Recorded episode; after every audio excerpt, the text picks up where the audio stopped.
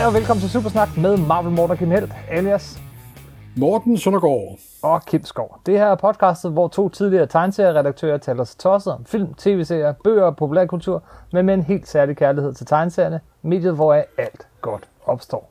Og i dag skal det, desværre, er jeg lige ved at sige, handle om Denny Unil. Yes. Desværre og heldigvis, men øh, øh, anledningen er, er selvfølgelig, at øh, Danny O'Neill, en af de allervigtigste øh, tegneserieskabere øh, i amerikansk tegneseriehistorie, døde i en alder af 81 år øh, i sidste uge. Jeps. Og øh, det betyder, at vi smed alle de planer, vi egentlig havde for det podcast, der skulle komme her, fordi øh, ham vil vi gerne lige mindes et øjeblik ved at snakke om... Ej, han, øh, han var... Øh, der går vi sådan lidt... Der går der sådan en lille smule nyhedsredaktion i det. Meget lille smule, men øh, der, det er værd lige at sige nogle ord om Danny O'Neill. Hvad, hvad han har lavet, hvad han har lavet tegneserier, men også hvad der ligesom har været vigtigt for os, hvad især af det, han har lavet. Han har haft enorm betydning. Øh, ikke bare I, især fra- det arbejde, han udførte i øh, 70'erne. jo, var, men øh, også som redaktør. Som redaktør, Så også senere så som redaktør. bag Men scenerne. han, sådan, han, han sådan en kreativ virksomhed, det toppede bestemt i, i 70'erne. Det er sandt. Øh, hvor mødte du Danny O'Neill første gang, Morten? Uh, ja, hvad har det været? Det har der vel... Ja, jeg tror enten det var en Batman-historie, eller også så var det det, det der Superman-forløb, som han skrev fra med nummer 233, Som vi kommer ind på. No More. Ja. Den meget berømte øh, forside, hvor netop så tegner, hvor Superman springer kryptonitens lænker, og hvor Superman bliver behandlet på en helt anden måde. Jeg kan huske, at da det kom på dansk, var jeg meget vild med det, og jeg er stadig vild, vild med det, mm-hmm. må jeg sige. Det er faktisk et af mine yndlings øh, Danny O'Neill-forløb. For mig så var det det her, øh, jeg tror 52 sider hæfte, der kom på dansk. Øh, Det var første gang, jeg lå mærke til ham, med øh, grønne lygte, grønne pil. Øh, Det er den berømte historie, hvor at det viser sig, at Speedy, øh, grønne øh, pils, øh, hvad siger man, protégé, øh, er afhængig af heroin. Det var en meget banebrydende historie. Og jeg var ikke særlig gammel, da jeg Snowbird læste don't, Snowbird don't fly. Ja, det var det, jeg And første they gang said, kill me, but they won't say when. Mhm. ja, beklager, beklager. Nå, men for at starte fra en ende af. Danny O'Neill, øh, hvem er manden? Han, øh, han blev født i øh, 1939, 81 år gammel jo, øh, Øh, og er især næsten udelukkende kendt som tegneserieforfatter og redaktør, selvom han også har lavet en lille smule tegnefilm her og der. Øh, han har arbejdet både hos DC og Marvel af to omgange, øh, både som forfatter og som redaktør. Øh, og han er mest kendt for sine samarbejder med Neil Adams, men igen har haft, jeg tror, endnu større betydning bag scenerne som redaktør øh, for manden, der har øh, givet os... Ej, jeg tror jo nok, at de ting, han lavede med Adams i 70'erne, de var måske ikke super store selv, dengang de udkom. Men deres betydning op gennem tegneseriehistorien har været enorme simpelthen. Vi behøver ikke at sammenligne, men- men det er rigtigt. Nej, nej, han har altså også givet os folk som Frank Miller og... Øh, Det har han Joe også bestemt Quesada. været. og så, så en vis, han har haft stor betydning. Han har også opfundet nogle af de allermest kendte. Det, det er jo især Batman og Green, øh, Lantern Green Arrow, vi kender ham for som forfatter. Ikke? Og Ja. han har givet os øh, folk som Ra's al Ghul og, øh, og jeg har skrevet nogle skønne. Og så uh, Cecilia Tompkins, Tompkins Yes. I hans meget lille, fantastiske lille kort historie med der No Hope in Crimes, Crime Alley. Men den kommer vi også ind på senere. Jeg læste hans øh, selvbiografi her for øh, et lille halvt års tid siden. Da jeg købte den, så tænkte jeg, fedt, nu får jeg en rigtig god øh, fortælling om, øh, hvordan det er at være øh, sådan inside i øh, den amerikanske tegneseriebranche og, og en hel masse. Men det var det ikke. Øh, det var overhovedet ikke, hvad hans, øh, bio, øh, hans selvbiografi handlede om. For det første, så var det en, den type selvbiografi, hvor man har ændret alle navnene. Øh, Det er en såkaldt nøgleroman, tror jeg, det hedder. Præcis. Øhm, og, øh, og der er nogle redaktører og tegnere, og sådan noget, man nok godt kan genkende med lidt fantasi og sådan noget, men han styrer udenom de store kontroverser, øh, som andre, altså øh, når andre er onde mod ham, og, og hvis han nævner det, så er det med øh, andre navne, altså pseudonymer. Og det er lidt forstyrrende nogle gange lidt på den måde, men jeg tror sådan, set, det er fordi, at han var et enormt, øh, hvad siger man, øh, høfligt menneske, ikke ønskede at udstille nogen. Øhm, og, øh, og så regnede jeg med, at, øh, at, at jeg skulle sådan, ja, have sådan en tegneseriehistorie, men det var bogen slet ikke overhovedet. I stedet for så handlede den om primært to ting. Hans opvækst, øh, sådan katolsk opdragelse med katolsk skole, hvor han fik vældig mange tæv af nogle, øh, nogle virkelig, virkelig ikke særlig pædagogiske øh, øh, hvad hedder det, nonner, som underviste ham. Det fylder en del, og jeg synes også, man kan se det afspejlet nogle gange i nogle af de ting, han har lavet senere. Øh, men det, den helt primært og helt gennemgående handler om, det er øh, hans alkoholmisbrug. Øh, hele hans liv. Øh, han rører slet ikke alkohol overhovedet, før han er teenager engang, og det er en forfærdelig ting, der sker, da han gør det første gang. Øh, der er han sammen med øh, sin kæreste på det tidspunkt, og de har det godt, og så prøver de at drikke, øh, jeg kan ikke huske, hvad det er, de drikker, vin eller et eller andet. Og i det, han går i gang, så drikker han hele flasken og overfalder hende. Øh, ikke voldtager hende, men over, altså, gør ting, hun ikke er med på. Og han har det så dårligt med det bagefter. De bliver sammen i i lang tid. Øh, men alkoholen gør bare noget ved ham, øh, ligesom om den tager kontrollen fra ham. Det er et tema, der også går igen i mange af hans øh, vigtigste tegneserier i øvrigt senere. Det her med, med misbrug og det med, at sådan nogle øh, stoffer øh, øh, kan, kan os på alle mulige måder. Men jeg var ikke klar over, hvor meget det faktisk fyldte i hans liv. Hele vejen igennem Danny O'Neills øh, liv, indtil han er godt over i årene, så øh, har alkoholen tag i ham. Øh, han drikker øh, en flaske øh, hård spiritus om dagen i lange perioder. Åh, oh, Gud. Han, øh, når han går på arbejde, han møder altid på sit arbejde, så går han lige til frokost, og så er han lige væk i tre timer, hvor han bare drikker igennem. Øh, får afleveret sine ting, og, og så videre. Men det alkohol, Er, det er simpelthen en frygtelig sygdom, simpelthen. det er sådan en frygtelig sygdom. Og det var slet, slet ikke, hvad jeg regnede med at læse. Men det var, øh, det var enormt det var rørende og virkelig svært at slippe, øh, den læsning. Øh, så en af de der gange, hvor man får en bog, man tror er en ting, og så er den bare noget helt andet. Det er jo, det er jo som regel de bedste bøger. Ja. Han fortæller nogle vilde historier om det der med, hvordan han øh, flere gange i sit liv kommer til, til sådan øh, udpumpning og øh, tvangsbehandling. Altså, det er jo sådan, hvis du er, er, er kraftig alkoholiseret, så kan du ikke bare fjerne alkoholen. Det kan du simpelthen dø af. Simpelthen. Så så man man, skal- man bliver afhængig af det. Man skal stille og roligt afvendes, øh, og hvordan han så bare gør det mange gange. Altså det er utroligt, at han har kunne holde til det overhovedet. Øh, og så, så snart han bliver udskrevet, så tæller han lige, hvor mange penge har jeg i lommen, og så går han ned og køber en, en flaske. Så det faldt ham slet ikke ind at stoppe, før han var rigtig godt højt oppe i årene. Det havde virkelig tag i ham. Øh, men det er ikke det, det skal handle om. Det er bare for at sige, det, det, det, når han beskriver sit eget liv, så er det faktisk det, det handler rigtig meget Der er om. mange af hans for historier, der forstås meget bedre, end hvis man har den baggrund i mængde. Ja. Øh, i, øh, I mente i hvert fald. Yes. Men han blev ansat først på Marvel, fordi at Roy Thomas øh, opdagede ham, fordi han var journalist oprindeligt. Og så skrev han sådan nogle artikler sådan til et børnetillæg i sådan en sommerperiode omkring tegneserieindustrien. Ja. Og så kunne Roy Thomas jo godt se, at der var der en mand, der mistede, der kunne mere i sit fadervor. Og så Ja, og det var lige på det tidspunkt, altså det er jo på det her tidspunkt, hvor øh, Stan Lee og Jack Kirby og Marvel starter op og, og alt den slags. Simpelthen, og så kunne Thomas se, at der var... Så han fik den der såkaldte marble-test. Det er sådan noget med, at han fik et par øh, bobbeløse sider af Fantastic Four. Skulle han putte øh, dialog på, og det gik vist okay. Så han fik sådan noget småarbejde fra, fra Marvel de, det første års tid. Blandt andet var han med til at skrive Doctor Strange, efter at dit kunne forlod serien, og han Ja, lavede primært, også... primært var det Millie the Model og uh, Rawhide Kid og, og den slags. Ja, men det var nu også der, hvor han første gang arbejdede sammen med Adams. Fordi øh, de lavede sammen øh, X-Men nummer 65 nemlig. Det er så det. Yes. Så det kastede også noget godt af sig.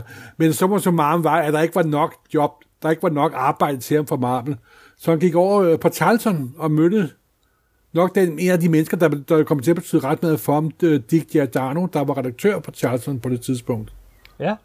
Og der havde han så arbejdet på år, og så i 1968, da Dick Giordano øh, blev redaktør på DC, så tog han ham med over. Og så blev han DC-mand. Og det var der, han så i starten af 70'erne virkelig begyndte at sætte sit fingeraftryk på hele DC-universet. Markant. Og det er nok, det er selvfølgelig især to serier. Øh, Batman og Green Lantern, Green Arrow, og, de, og det er næsten samtidig faktisk. Og med Fordi samme den- partner er på langt de fleste numre. Nemlig Neil Adams. Ja, netop, og det er i, altså, den øh, noget campede tv-serie var jo stoppet i øh, marts 68, så vidt jeg husker. Og de næste par år forsøgte Joel Swatch sammen med Bob Brown, Ian Novak og forfatteren øh, Frank Robbins at modernisere Batman, og det var også til dels lykkedes. Han var sådan blevet mere øh, sådan detektiv og mere realistisk og så videre, så videre. Men så da Daniel Neal og Neil Adams kom til Detective Comics 395 med deres The Waiting Graves, der kom der virkelig kog under kedlerne. Mm-hmm. Og det var der, hvor man sådan, hvor Batmans genfødsel blev sådan fuldkommen gjort med den historie der, og den er jo ganske fantastisk. Vi snakker en del om den i, øh, i øh, af vores Batman julekalender, øh, hvis man går lidt tilbage i arkiverne. Og af god grund, fordi det var virkelig en genfødsel. af at den er, ikke den oprindelige Batman, det, det tror jeg måske, de kaldte sig selv, men nok mere mindet om den oprindelige Batman, hvor øh, den, den, den øh, nattens ridder, nattens øh, ensomme hævner, øh, og, og den her edle mand med det, som ingen som Neil Adams kan tegne. Med Ja, men altså, alt andet lige, så er Adams version af Batman jo guldstandarden. Der findes utallige udgaver af Batman, men den, som hvis alle kan blive enige om, at den er bestemt ikke værst, det er, når Adams tegner Batman. Yes. Ligesom lidt, når Kurt Swan tegner Superman. Simpelthen. Der er utrolig mange, der siger, øh, at øh, det, var Bat, at det var Frank Miller, der ligesom genskabte Batman, og skabte den Batman, vi Ah, har i det dag. passer Men når du, det spørger, passer når du spørger Frank Miller, så siger han altid, nej, det var den her Ja, ja, selvfølgelig. selvfølgelig. og, og Neil Adams. Og det har han sagt i mange interviews. Øh, de bringer ham tilbage. Men ikke kun Batman i øvrigt. Øh, de, de hiver også skurke frem af mølposerne. Altså, Ja, skurke, det var jo i år. Batman 251, da de gav øh, Jokeren en gang lak, må man sige. Ja, fra, den, Som fra der det ene nummer lige til, siden. fra det ene nummer til det andet, så gik han fra den her klovn til den her uhyggelige klovn. Ja, som bestialsk, sindssyg massemorder, der samtidig Ja. også er 100% totalt uberegnelig. Og så hævde de, og Two-Face. Two-Face havde man heller ikke set i, i 20-30 år, eller hvor længe, det ved jeg ikke, men i længe, og, og, og gjorde Two-Face til Two-Face. Altså, den Two-Face, vi kender i dag. Og det må jeg må sige, at det, de gjorde ved Joker, det er, de gjorde ham jo næsten for populær, for nogle gange vil jeg jo ønske, at DC havde sådan en regel, men de kun må bruge ham hver tredje år, eller sådan noget. Men Mhm. mm-hmm. det er desværre ikke noget af. Det ville virke bedre, hvis han kun dukker op hver tredje, femte år. De gav Nej, også men så, så... Batman-figuren nogle nye lag ved at introducere sådan en figur som Leslie Tompkins. Altså lige pludselig viste det sig, at efter Batmans øh, forældre var blevet skudt foran øjnene af ham, så er det ikke bare Alfred, hans butler, der tog sig af ham, men også øh, den her øh, Leslie Tompkins figur. ja, det var nogle år senere i øh, 1975 i Detective Comics 457, hvor der var en, en lille kort historie, der var tegnet af Dick, af Dick Giordano. Mm. Altså ikke af Nick Adams, men Dick Giordano, som der også havde inket øh, masser af Adams ting. Og den hed There No Hope in Crime Alley. Og jeg vil næsten gå så langt som at sige, at hvis man kun skulle vælge en Daniel Neal Batman-historie, så vil jeg næsten vælge den, faktisk. Hvorfor? Fordi den går ind til selve sjælen af, hvad Batman er, og hvorfor det her barn, der blev udsat for den her ekstremt traumatiske oplevelse at se sine forældre blive dræbt for øjnene af ham, vælger at blive Batman, og ikke bliver et ødelagt menneske, men bliver et meget dedikeret menneske simpelthen. Det er, men det er en meget, meget rørende historie.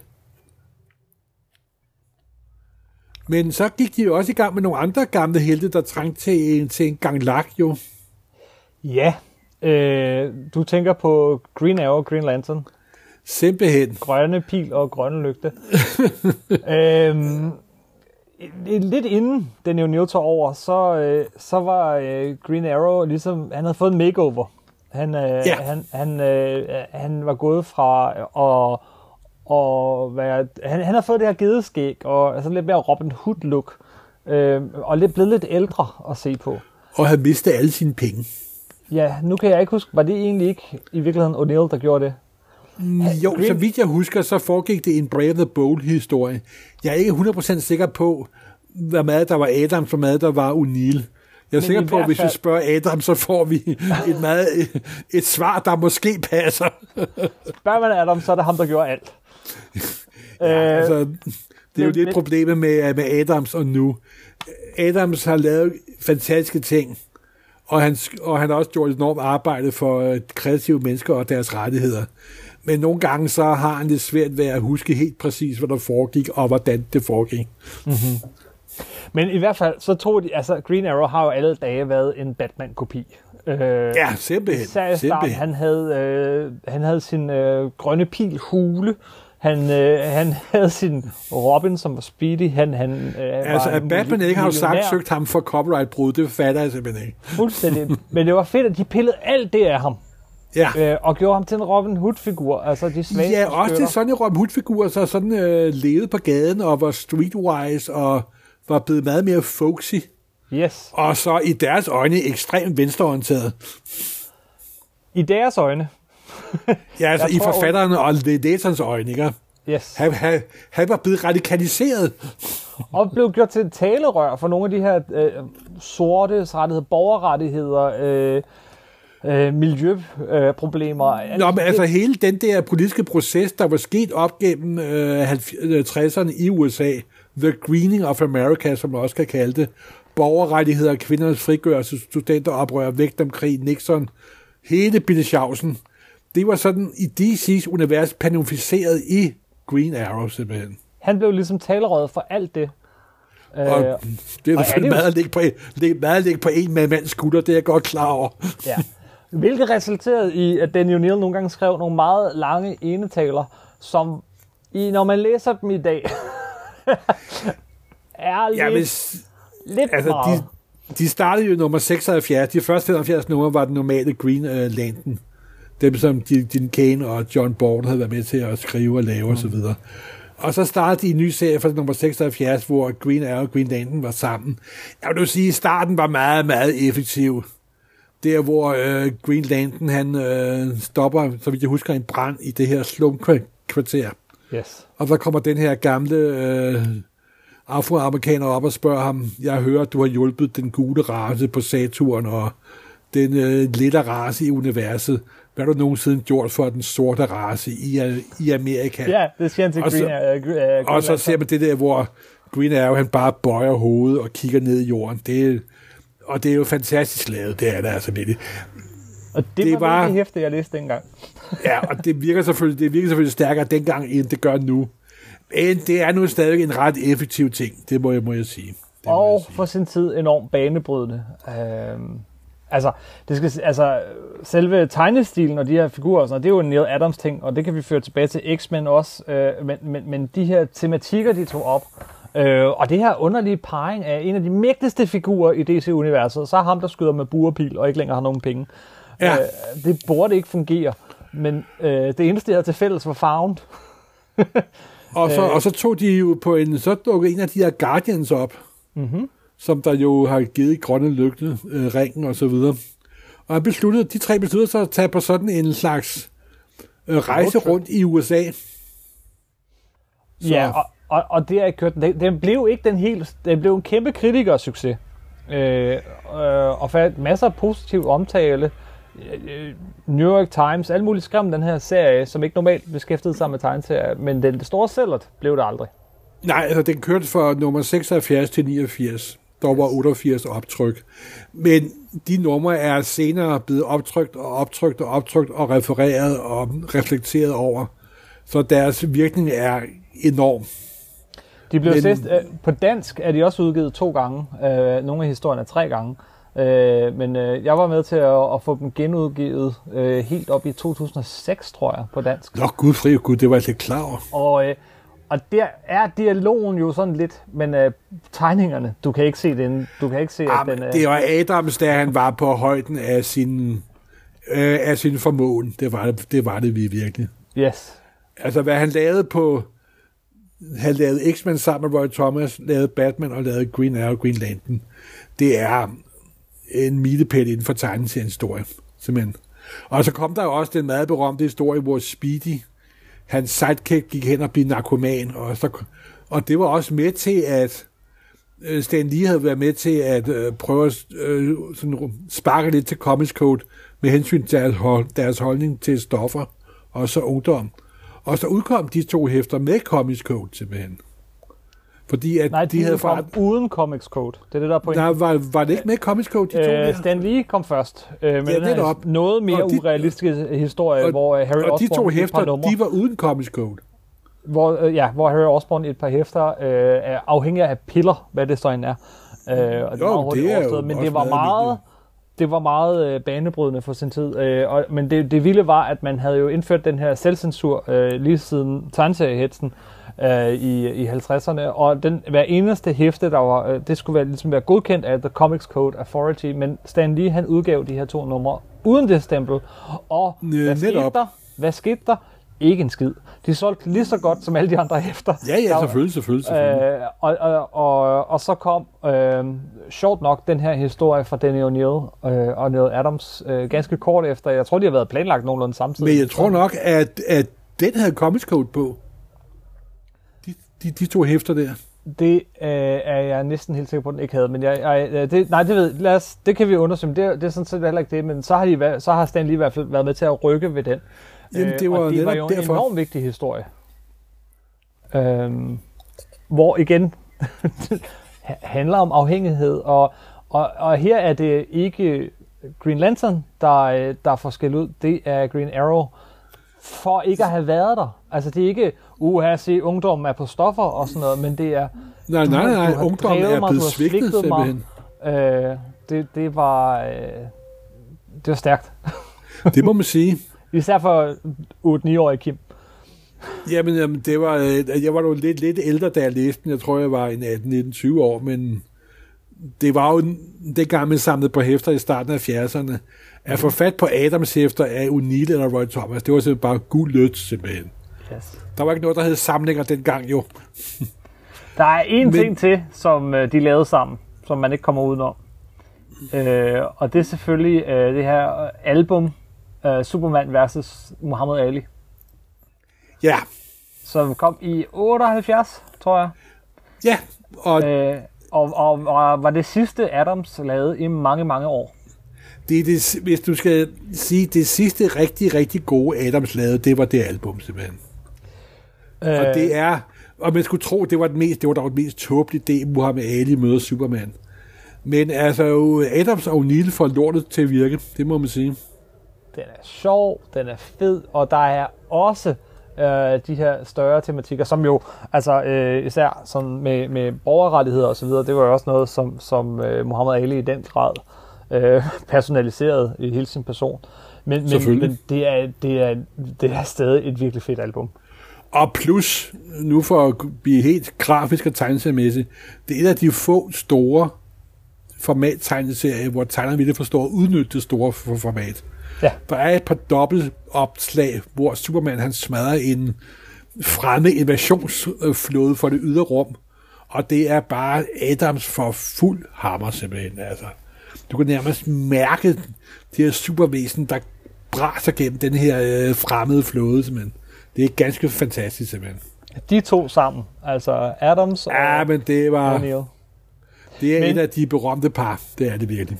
Men han lavede også andre ting øh, på DC. Øh, Ja, så lavede han jo en, der, det var ikke kun øh, Batman og Green Lantern og Green Arrow. Han fik sgu også fingre i Superman.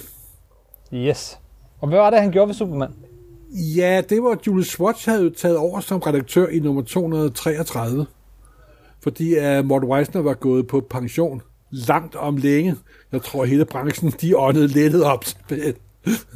og så skulle Superman også... Altså, DC besluttede der i starten af 70'erne, at nu skulle alle deres gamle helte have en gang lak. Ja, og så moderniserede de også Superman. Og det var med, at de fjernede kryptonitten, og, og Clark Kent gik hen og blev tv-stjerne i stedet for journalist, øh, skrivende TV, journalist. Øh, ja, tv-journalist. Ja. Ja, tv-journalist. TV-stjerne, som alle journalister drømmer om, ved du. ja. Nej, undskyld. Og det var jo sammen med øh, Kurt Swan, Inge og Murphy Anderson, at han, den O'Neill skrev en, en, en sådan længere story-ark, der handlede om kræfter og misbrug af kræfter og så videre, så videre. Hvor Superman, hvor kryptonit forsvinder, Men samtidig opstår sådan en mystisk sandvæsen fra en fremmed dimension, der suger hans, hans kræfter. Over en lang række historier, så bliver han sværere, sværere, sværere. Og hvordan han klarer sig, hvordan han takler de problemer, der, der opstår. Indtil han igen bliver super, super stærk og bliver sindssyg og misbruger. Det er en fantastisk øh, historie. Det er det Der virkelig. varmt Men, kan anbefales. Og, og, men du har også, det er det, han gjorde, ikke? Han moderniserede de her figurer. Han flyttede Clark Kent over på en tv-station, og, og, og, og alle de andre ting, du nævner her. Batman fik vi ikke nævnt. Øh, øh, han, skiller ham fra Robin. Robin tager på universitetet. Ej, det var nu faktisk Frank Robbins, der skrev den historie, vil jeg lige sige. Ja, han, ja det er rigtigt, men han, han, han, han holder dem fra, fra hinanden. Det er meget, Ja, ja, sjældent, at der er en Robin. Så det er ikke makkerparet, det er Batman. Og, og han Alle sande. Batman-fans, de hader Robin.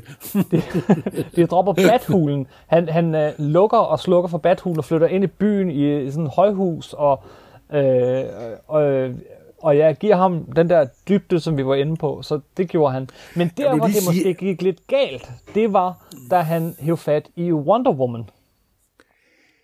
Ja, de, han prøvede jo også at modernisere hende øh, sammen med Sikowski, som han også var startet, øh, inden alt det her startede, så havde han jo lavet på øh, Justice League of America, sammen med ham, hvor han også mod, fik moderniseret dem lidt. Så fratog de jo Diana Price alle hendes kræfter. Ikke at hendes eventyr blev mindre fantastiske af, af den grund. Hun fik også sådan en lille, øh, og en lille øh, orientalsk ældre sidekick, der hed Ai Ching, var nok heller ikke gået i dag. Ej, Men øh, salget, det, det, det brød fans sig bestemt ikke om. Men det var, det var jo et forsøg på at gøre hende hip og cool. Og, Jeg synes, og, det var super hipt og super cool. forståelig. Men jeg kan også godt, og han, han har også selv sagt, at han kan godt se, at han, det han i virkeligheden gjorde, var, at han tog den mest populære, den mægtigste og eneste virkelig store kvindelige superhelt uh, her, mens feminismen var på vej frem og alle de her ting. Og så uh, fjernede han hendes kræfter og gjorde hende almindelige mennesker og sådan noget. Det sendte bare et forkert signal i forhold til Jo, det, han jeg, ville med jeg det. synes du ikke, at hun bliver mindre effektiv af den grund, altså. Nej, nej, Det- nej, det synes jeg heller ikke. Men udad til, hvis det, det eneste, du fanger, er, at den mægtigste, en af de mægtigste superhelte er en kvinde, øh, men ikke længere. Så var det bare lige Ja, det forkerte o- tidspunkt okay. at gøre det på. Men den Wonder Woman, der optræder i hans Superman-historie, det er jo den depowered mm. øh, Wonder Woman der. Heller ikke det bedste kostume, hun fik, men lad nu det ligge. Ja, hun fik jo... Ja, det var jo ikke kvinder, der lavede hende, det var mænd, der lavede hende. Så Yes. det må man jo nok sige. Men øh, det er, gud, det er også, det er 50 år siden, Kim. Hold kæft, mand. Er det, Verden har gudskelov forandret sig Ja. positivt på mange punkter. jo, jo. Men der var Neil Adams jo, Aslervold, øh, øh, hvad hedder det, den er jo Neil jo øh, forgangsmanden her, ikke? Øh, Der, der, Ja. øh, og den her diskussion kører jo for fuld blus lige nu, ikke? Altså, der snakkede om menneskers Fuldstændig. rettigheder og øh, kvinderettigheder, øh, afroamerikanske rettigheder, eller alles rettigheder og alt den her slags. Det var virkelig en bannerfører. Vi kan også se her, hvor han dør, så bliver der virkelig delt på sociale medier øh, øh, små scener fra hans tegneserie. For eksempel der, hvor at Green Lantern bliver konfronteret med øh, en, en, en Ja. ældre afroamerikansk mand. Øh, så ja, det, det var et misfejr. Men han kunne også andet. Og jeg synes, at vi bliver nødt til også at nævne hans øh, The Shadow-serie. Ja, det lavede han jo sammen med Mike Kaluta, og det var jo en perfekt udgave af Pulp 1930. Den altså, hans han historie er sammen med Mike. Kalutas fortegninger var fuldstændig fantastiske simpelthen. Mm. The Shadow er sådan en proto-superhelt. Øh, altså den første, øh, meget berømt, så er den første Batman-historie, den allerførste Batman-historie i Detective Comics 27 jo fuldstændig rip-off af en, en gammel Ja, det kan man godt sige. øh, det er virkelig det er en Shadow-historie, øh, gen, øh, genfortalt. The Shadow var jo... Ja, hvem var det Shadow, Morten? Ja, det var jo en pulphelt med en rig, det var en rig mand, der havde fået mystiske kræfter og klædt sig ud som The Shadow, øh, blød hat, hasterklæde og to pistoler. Og så Ja. bekæmpede han kriminalitet, så man kun kan gøre det i gamle amerikanske pulphæfter. Det er, man skyder alt og alle simpelthen. Og han var mega populær, fordi han havde sådan en radio-serial, der har kørt sådan cirka samtidig med, med, med ja, og der var der nogle af afsnitene, der var indtalt af Orson Welles. Det gør det jo ikke dårligere. Ja, der, der var vist over 100 afsnit, der var antalt af Orson Welles. Ja, ja men han, ja. der var noget med... Det var faktisk det, Orson Welles tjente penge på i, i sådan mange år. Ja. Der, er nogle, der er nogle meget sådan sjove historier, om de hvorvidt de passer, det ved jeg ikke, men hvordan de afsnit de bliver indtalt i en kørende ambulance og så videre, så videre. Det skal jeg ikke komme nærmere ind på. Og mange gange så har The Shadow så også optrådt i tegneserier. Øh, men, men hvad er det, der gør den her, øh, det her run øh, specielt mindeværdigt? Ja, det var, Danny O'Neill var forfatter, men det, der gør det virkelig mindeværdigt, det var Kalutas måde at tegne 30'erne på, 40'erne på. Det var fuldstændig... Altså, han tegnede kun fire, øh, fire eller fem hæfter, men de var fuldstændig spot on. Frank Robbins tegnede også nogle hæfter. Det var ikke særlig mange, men de var fantastiske. Der var især et nummer, hvor Danny O'Neill skrev, og Mike Kaluta tegnede, og det blev enket af Bernie Wrightson. Mm-hmm. Det er et af de flotteste tegnesæfter, der nogensinde er lavet overhovedet, simpelthen. Ja. Jeg får nærmest tår i øjnene, når jeg tænker på det, simpelthen. Og alle sammen er kommet på dansk i sortbidshæftet for mange, mange år siden. Det er de nemlig, og det er til at få fat i. Ja, og det var Per Sanderhage, der var redaktør, så vidt jeg husker. Nå. Det også var det Henning. Det var vist noget, som Henning og Per lavede i fællesskab. Men efter, øh, efter alt det her, øh, så øh, vender han tilbage til Marvel Comics. Ja, så går han over til Marvel, og der øh, laver han to store ting, vil jeg sige. Ja, meget store ting. Han starter på The Amazing Spider-Man, som må ligesom være... Ja, er og der laver han især to hæfter med en mand, der hedder Frank Miller. Yes, som han Og de faktisk... to hæfter betyder ret meget for mig nemlig.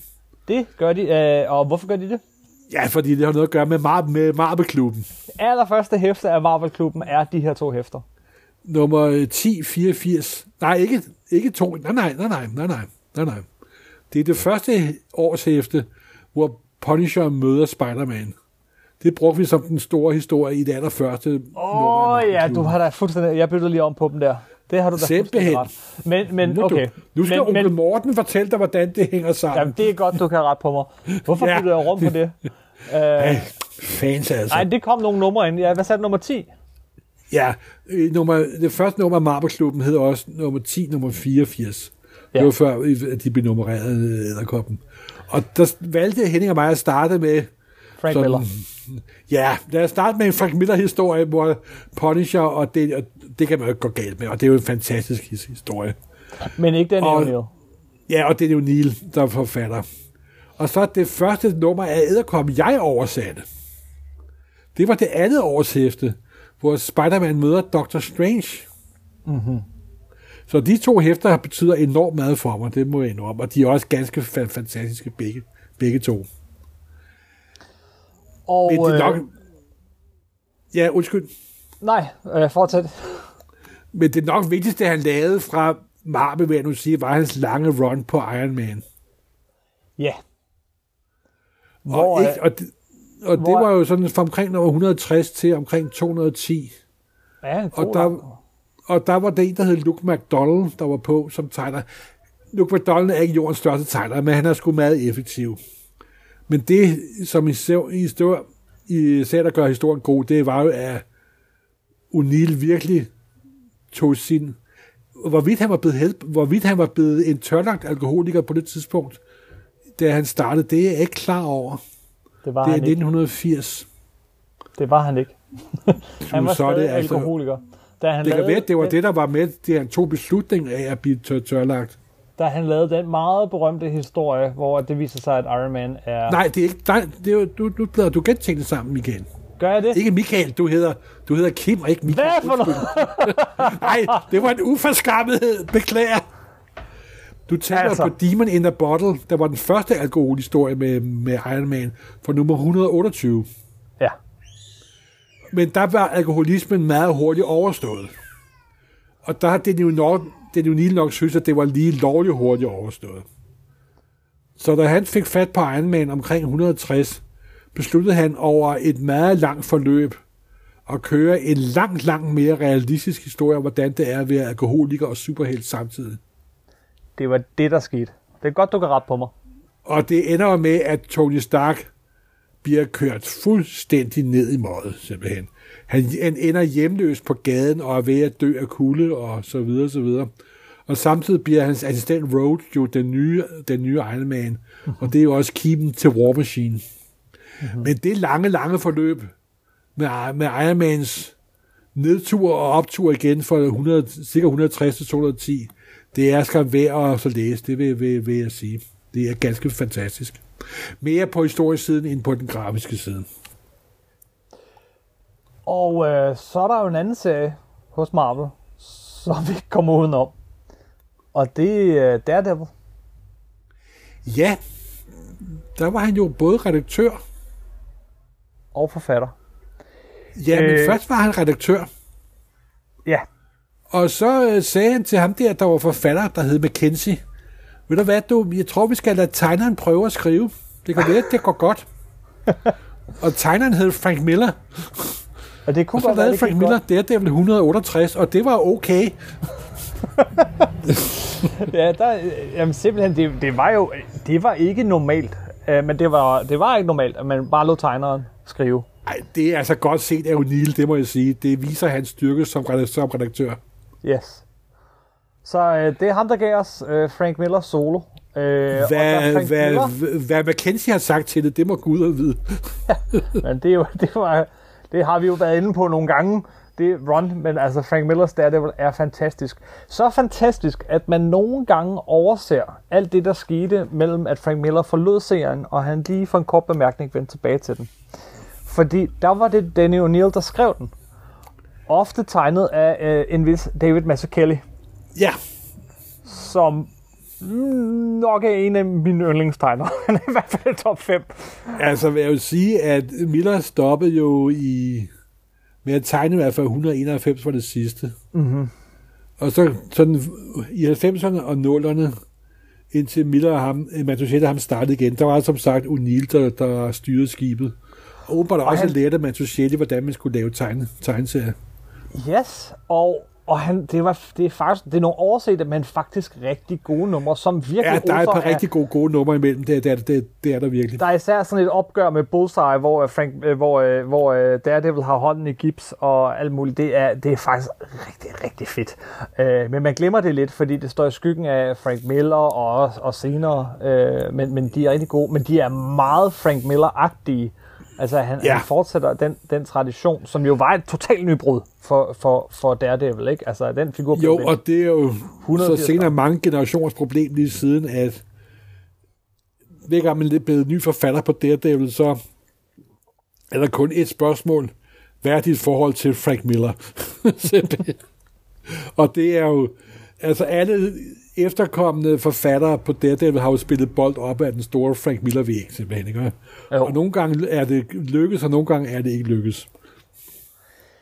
Han lavede også mange andre ting. Altså, han var redaktør på en hel masse ting, så han har, han har sikkert betydet mere, end vi overhovedet aner øh, for, for den her periode. Øh, han har også haft fingeren i, øh, i nogle af de der øh, øh, tegnefilmsting, som Marvel har involveret, været involveret i. Marvel har jo meget berømt øh, stået for hele udviklingen af, af tegnefilmserier fra 80'erne, som G.I. Joe og den slags. Det var Larry Harmer, der skrev den. Men, men, øh, men der er jo mange, der kender Transformers, og der har... Ja, det var jeg ikke klar over. Det var jeg ikke klar over, den der lille ting der. Jamen, øh, det er faktisk ham, der skrev øh, karakterkoncepterne. Altså, det er ham, der gav os øh, personligheden, om man så at sige, til, til alle de kendte Transformers der fra 80'erne, som jo stadig den dag i dag er biograffilm, som topper øh, mest indtjenende film nogensinde lister. Ikke at jeg forstår det, det er ikke noget, jeg prøver om, men, men det er Og ham, deres der... fandom er jo større end nogensinde. Kæmpe enorm. Og, og der skal vi altså også tilbage til Danny O'Neill. Det var ham, der fandt ud af, hvad for, hvem er Bumblebee, og hvad for slags figur er ham. Hvem er Optimus Prime? Øh, ja, jeg tror, han, da han, han, han gav ham navnet. Jeg tror øh, faktisk, at ja, det, jeg må indrømme, mit kendskab til Transformer-mytologi er jo ret begrænset mit med, men for, for dem, der elsker Transformers, jamen, der kan vi altså også takke den evne. Og, og, dem, og den tør jeg ikke gå i lag med. Heller ikke mig. Men det her er sådan de vigtigste ting. Han har også han har lavet en masse ting, været ind over X-Men og alt muligt, men det her var ligesom de vigtigste serier, vil jeg sige. Ikke? Spider-Man, Daredevil, hvor han mest har været redaktør, og selvfølgelig det her øh, epoke, øh, altså virkelig vigtige run på Iron Man. Men derefter så vendte han hjem til, eller tilbage til DC Comics igen. Ja, så var det tilbage til Batman og til The Question.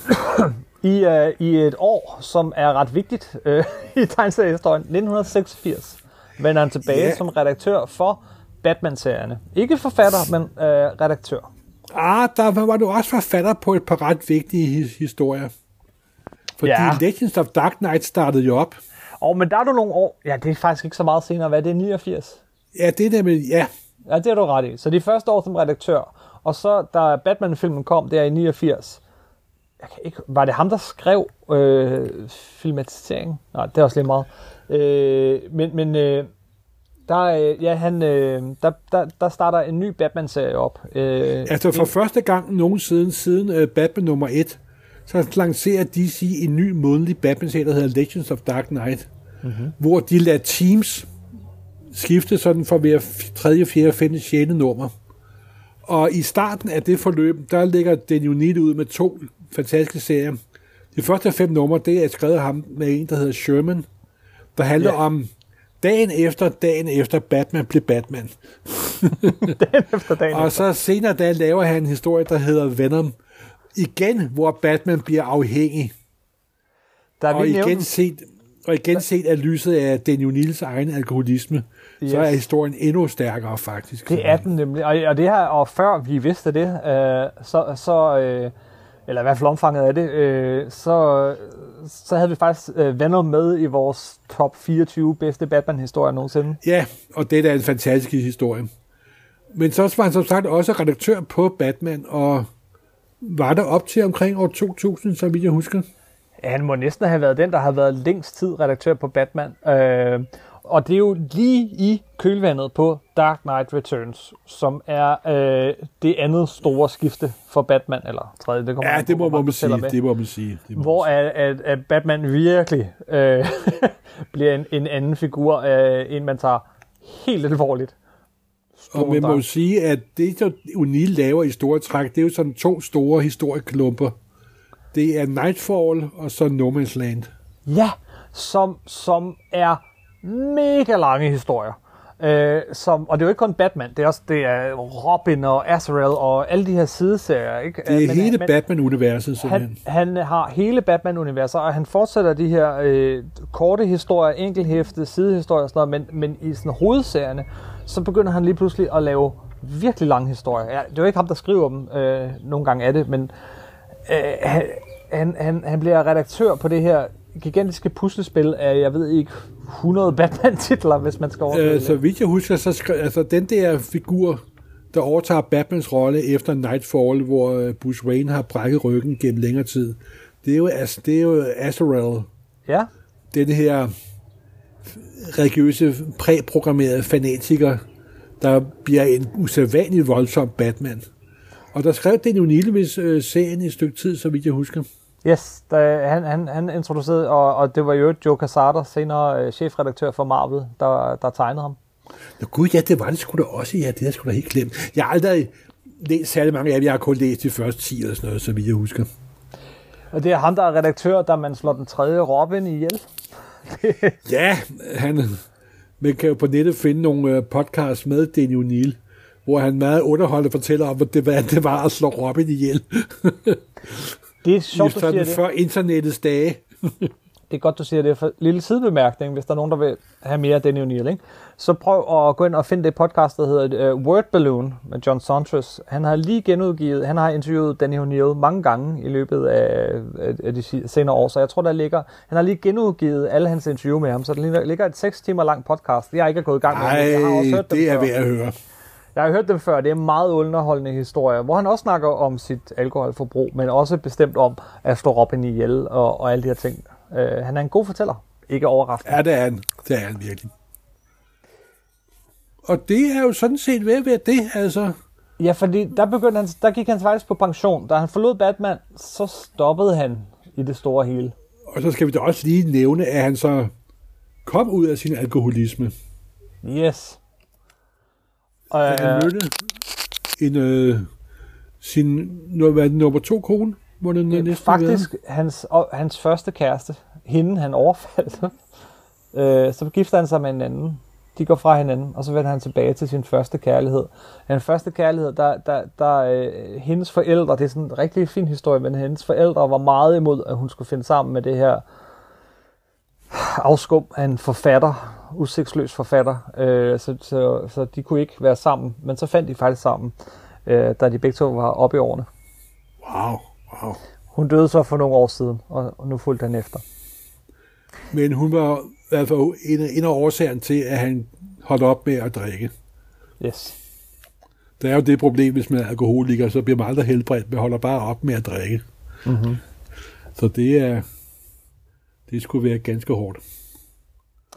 Ellers, øh, afslutningsvis, så skal man sige, øh, øh, han, øh, han har haft en stor betydning, både som forfatter, øh, men også øh, været virkelig god til at finde de rigtige tegnere at arbejde sammen med som redaktør, det vil sagt. Han har også sådan et helt bagkatalog øh, af, øh, af, af, hvad hedder det, romaner, øh, bøger, short stories, som, som øh, altså ingen vil huske, tror jeg, hvis skal være helt ærlig, men altså øh, bogudgaven af Batman Begins og The Dark Knight har han skrevet. Øh, han skrev en serie om en kung fu øh, øh, dude, der hed Richard Dragon og sådan noget.